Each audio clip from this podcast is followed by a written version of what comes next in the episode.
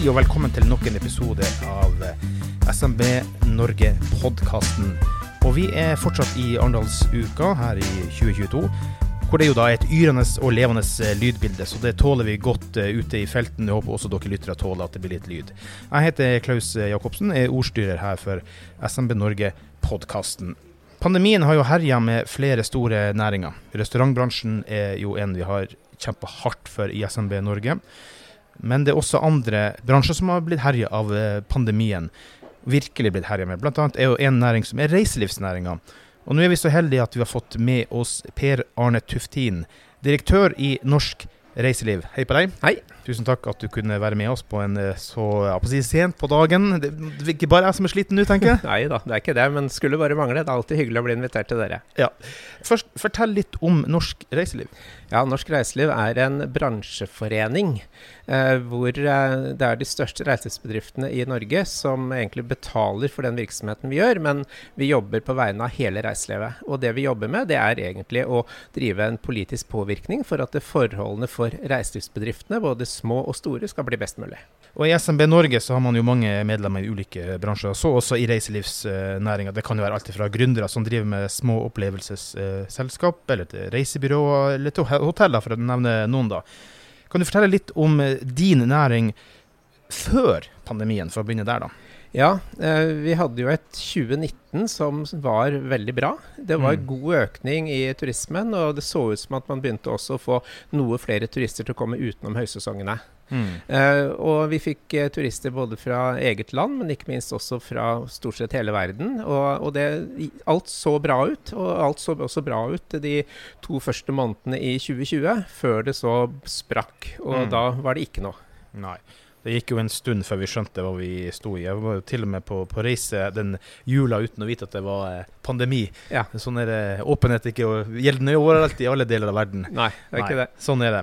Hvordan har det blitt da med, med næringa under pandemien. Hvilket bilde er det ja, dine, Hvordan er dere organisert? Er det medlemsbedrifter? eller hvordan? Ja, ja. vi har medlemsbedrifter. Eh, mm. men vi, vi, jobber ikke nødvendigvis på vegne av hver enkelt medlemsbedrift. Vi jobber mer for reiselivet som helhet. Mm. Så, og vi ser jo det at de utfordringene som, som gjelder, de, de, gjelder like mye for de små aktørene som de store. Så derfor mm. så er det mye lettere for oss også å kunne være helt uavhengig. Vi er ikke en arbeidsgiverorganisasjon, selvfølgelig Nei. ikke en arbeidstakerorganisasjon, men vi, mm. vi jobber tett sammen med mange samarbeidspartnere. SMB Norge er en god partner, mm. men ikke minst også med NHO og med Virke og med Rederiforbundet og med Spekter. Mm. Eh, så vi, vi, vi, er et, også på mange måter et bindeledd mellom de store arbeidsgiverorganisasjonene. Mm. Og Hva forteller de deg om situasjonen under pandemien? Ja, Situasjonen under pandemien var jo ganske kritisk. Mm. Eh, det skjedde jo den 12. mars, så ble jo Norge stengt ned. Ja. Eh, man stengte grensene, og alt dette gjorde jo at det, det var fra en dag til en annen så var det ingen turister.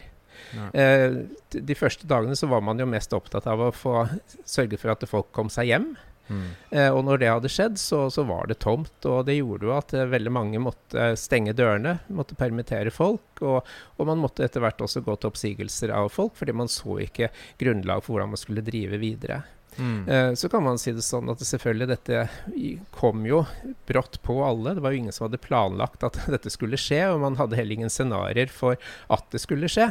Eh, flere av våre medlemsbedrifter har jo sagt at de har jo forberedt seg på finanskriser og på, på kortsiktige si, tiltak som ville gjøre at de måtte stenge ned, men ikke mm. noe som skulle vare i to år. Eh, så, så, det tok hardt på. Og det er klart at er du en stor bedrift, så har du kanskje noe lettere for å få lån fra banken, og da, da er du plutselig kanskje bankens problem fremfor ditt eget problem når eh, det ikke er inntekter og du har eh, en god del gjeld. Eh, men de små bedriftene rundt om i landet, de slet kanskje enda mer. Mm. Og det kom jo av at det, fra en dag til en annen så var det null inntekt. De hadde kanskje begrenset med kapital i bedriftene. Eh, mange hadde lånt på både hus og, og bil og båt for at de helt tatt skulle kunne drive virksomheten sin. Og, mm. og, når de da ikke hadde inntekter, så var dette ganske tragisk. Mm. Og eh, heldigvis, får vi si, eh, det har vært mye diskusjoner etterpå om støtteordningene fra myndighetene, men heldigvis kom det støtteordninger som gjorde at i hvert fall de aller, aller fleste kom seg gjennom pandemien. Mm. Apropos lokale små bedrifter. Jeg kom over en sak, og nå tar jeg det litt sånn fra, løst fra hodet. Jeg er allerede sliten til hodet som har vandra mye ut her på Arendalsuka. Men det var noe, jeg er jo fra Finnmark, og da var det, jeg kom over noen saker med og hvem som klager over det, det husker jeg ikke, men jeg reagerte på fakta. og Det var det at det er altså uh, finske turistbedrifter som selger turer i Norge lokalt, på små lokalsteder i Finnmark. Det kan være hvalsafari, mm. det kan være om så lenger nord osv. Jeg stussa litt over det, da. Det, fordi at det er jo penger rett ut av landet. Hva, hva tenker du om den type uh, turistnæring? Ja, nei, Vi vil jo helst at de turistene som, som benytter seg av de attraksjonene vi har, mm. og de mm. tilbudene vi har, at det er turister som også bor i Norge, og, altså som mm. overnatter i Norge, og som reiser i Norge, sånn at det blir lagt igjen mest mulig penger i eget land. Mm. Eh, men vi, vi, har jo sett det gjennom flere år at eh, Finland har vært veldig flinke til å bruke norske opplevelser inn mm. i sin markedsføring av sine destinasjoner. Mm. Eh, og vi har gang på gang også tatt dem litt til at det har vært billig bilder i kataloger, den gangen det var kataloger, som mm. var eh, bilder fra Norge, men som da sto i de finske katalogene at uh, kom til Finland og opplev uh, nordlys og opplev mm. fjorder og fjell. Mm. Og, og det, det, det, er jo på en måte litt komisk, men på en annen måte også litt småfrekt. Men uh, det, det, løser seg jo alltid. Vi har god tone i reiselivet land imellom også. Ja, absolutt. Jeg stussa mer over at de faktisk solgte turer i si, si, Vardø, hvor jeg kommer fra, da. Ja, ja. Men så er det et finsk selskap som selger den turen i Vardø som en lokal opplevelse. Ja, sånn, ja. Nei, men, som fratar lokale det er jo sikkert ikke noe gründeridé godt nok eh, lokalgrunner der, da, som ikke utkonkurrerer den. Da, selvfølgelig. Du kan se det på flere måter, da. Ja, Men jeg stusser bare over mm. modellen. Ja, ja. Nei, det er klart det. Og så er det jo klart det at vi, vi ønsker jo at det mest mulig av verdiskapingen skal bli igjen i Norge. Mm. Så det, det, er jo egentlig det som er hovedformålet med mye av den jobben vi gjør også. Kjenner du noe til type konkurs under pandemien? Har det vært et ras, eller hvordan Nei, det har ikke vært et, et, ras i Norge. Det har vært eh, noen bedrifter som har måttet avvikle. Mm. Uh, det har kanskje vært noen ytterst få som har gått konkurs, men de fleste har klart seg. Uh, og det, det, skyldes selvfølgelig også at bankene har sett at, uh, at her er det et potensial. Her er det bedre for oss å holde liv i bedriften enn at vi skal slå den konkurs. Mm. så var vi ganske spente på hva skjer når Man fikk jo utsettelse på innbetaling av offentlige avgifter, skatter og avgifter. Mm. hva skjer når de skal innbetales? Men det, det ser ut som de fleste også håndterer det. De har fått gode tilbakebetalinger betalingsmuligheter i forhold til skattemyndighetene også. Mm. Så det har ikke Vi har vært heldige i Norge.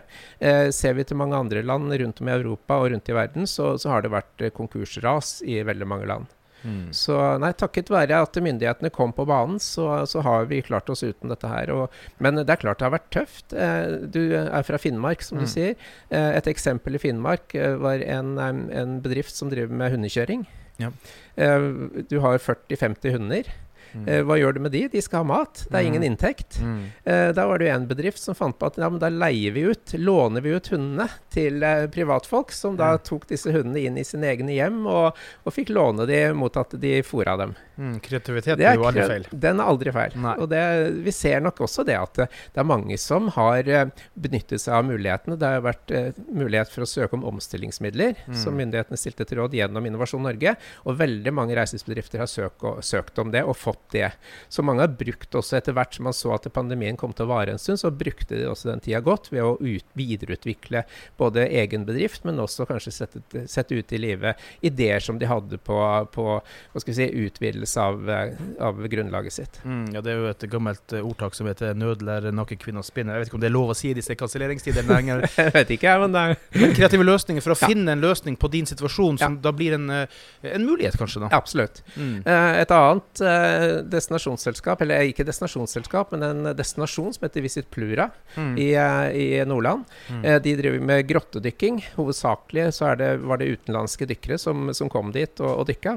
Plutselig var grensene stengt, så det kom ingen dykkere. Mm. Men da satte de i gang med dykkerkurs for nordmenn. Mm.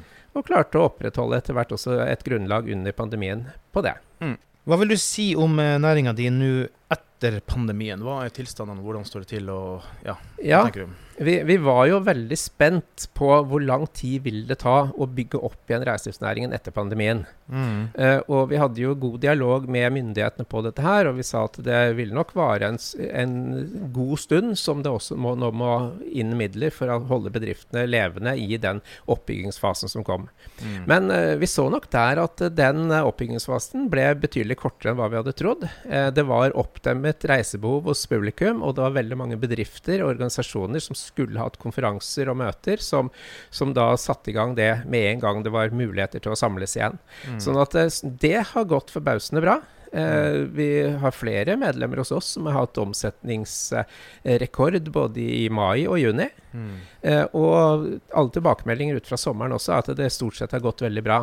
Men så har det dukket opp noen andre utfordringer. Vi fikk jo en krig i Ukraina mm. eh, som har medført et kostnadspress på alle. Ja. Eh, og ikke minst også på bedriftene. Vi har fått eh, en betydelig økning i drivstoffkostnader, og for ikke å snakke om hva som har skjedd med strømutgiftene. Ja. Så kostnadsbildet for bedriftene nå har blitt mye tøffere enn hva vi hadde forutsett bare for et halvt år siden. Mm.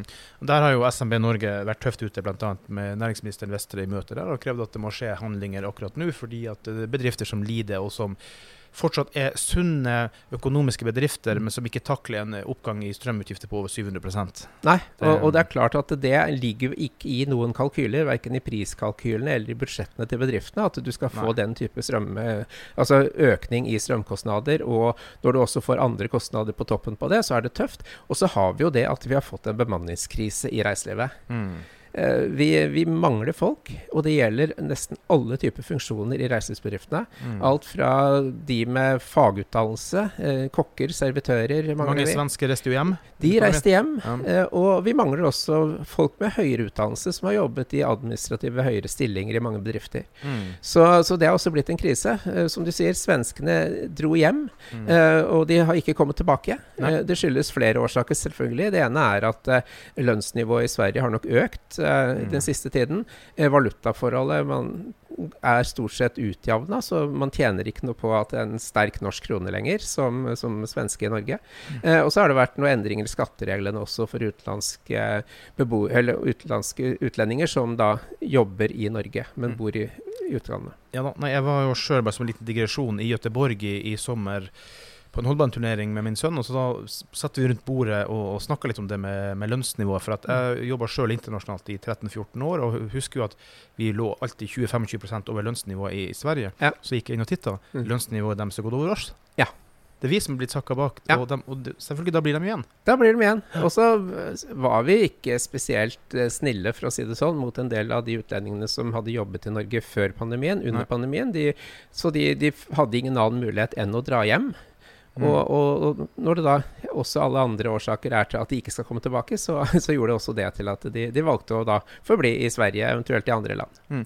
Du, apropos eh, muligheter, så er det jo sånn at eh, min opplevelse av å prate litt med folk, det gjør at eh, både under pandemien og nå litt etter pandemien, så er det fortsatt folk som tenker la oss utforske Norge litt fremfor å reise til Syden. Mm. Har dere sett den effekten, dere òg? Ja. Um, altså det er jo sånn aldri så galt så har det gått for noe. Uh, og når grensene ble stengt, så måtte nordmenn endre ferieplanene sine. Og det har jo gjort at både i 2020 og 2021 så var det flere nordmenn som da naturlig nok valgte å feriere i eget land. Mm. Uh, det som vi også så, det var at uh, tidligere, fram til 2020, så hadde vel egentlig veldig mange nordmenn som ferierte i Norge, vært litt knipende på pengebruken. vi handla i kolonialbutikken eh, og lagde maten selv, fremfor å gå på en restaurant. Men veldig mange av de som da ble tvunget til å feriere i eget land, ja.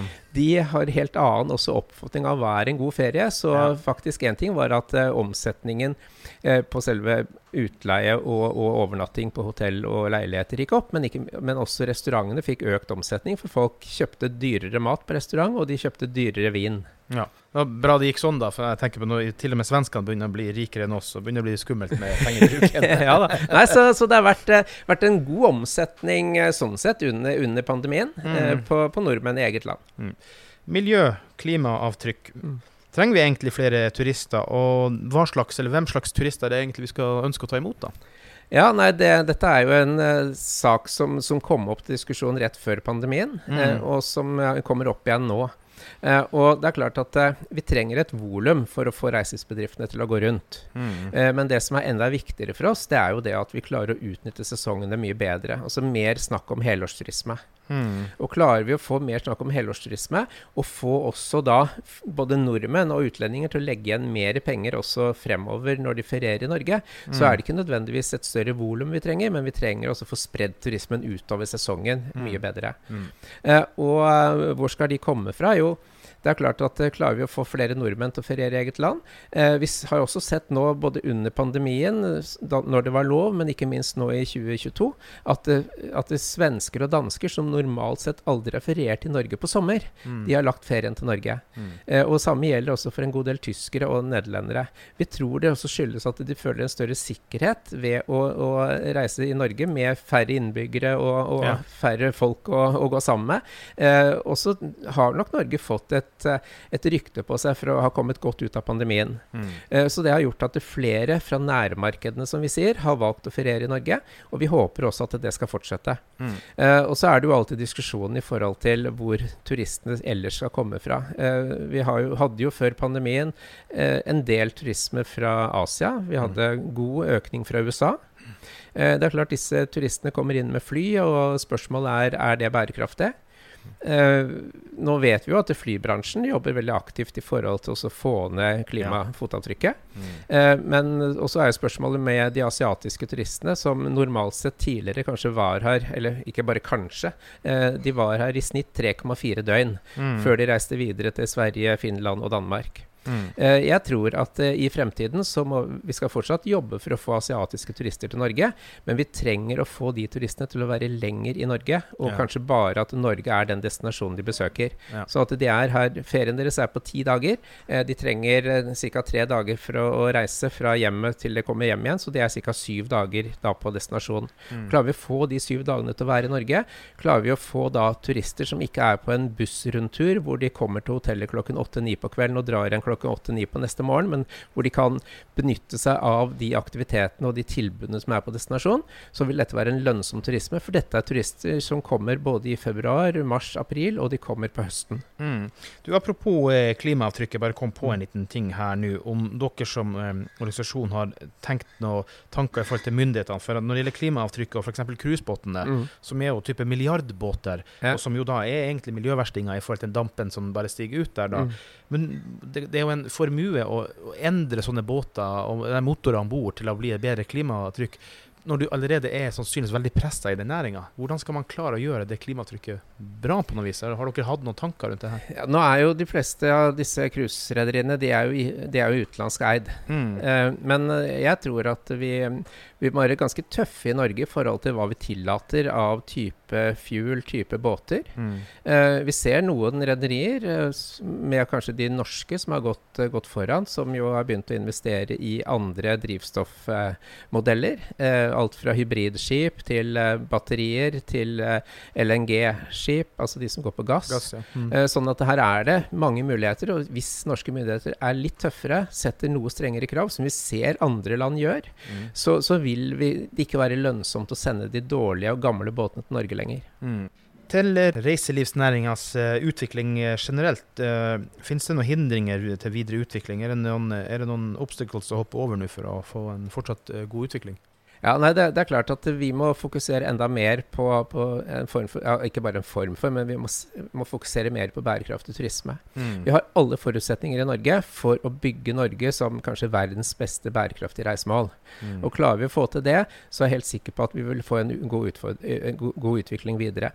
Eh, så sier du hva er det andre hindre er som ligger der? Jo, det er klart at det her ligger det utfordringer. Det å drive en liten reiselivsbedrift i Distrikts-Norge er tøft. Mm. De mangler bemanning. de er de, de sliter kanskje med å, å, få hjulene til å gå rundt. De sliter med turister gjennom en hel sesong. Og ikke minst også mange av de mindre bedriftene sliter med en formuesskatt som gjør at uh, de, de, må betale skatt av den formuen de har bygd opp over flere år. Og, som, og da er det ikke personlig formue vi snakker om, men vi snakker om den formuen som er lagt inn i videreutvikling av bedriften. Mm.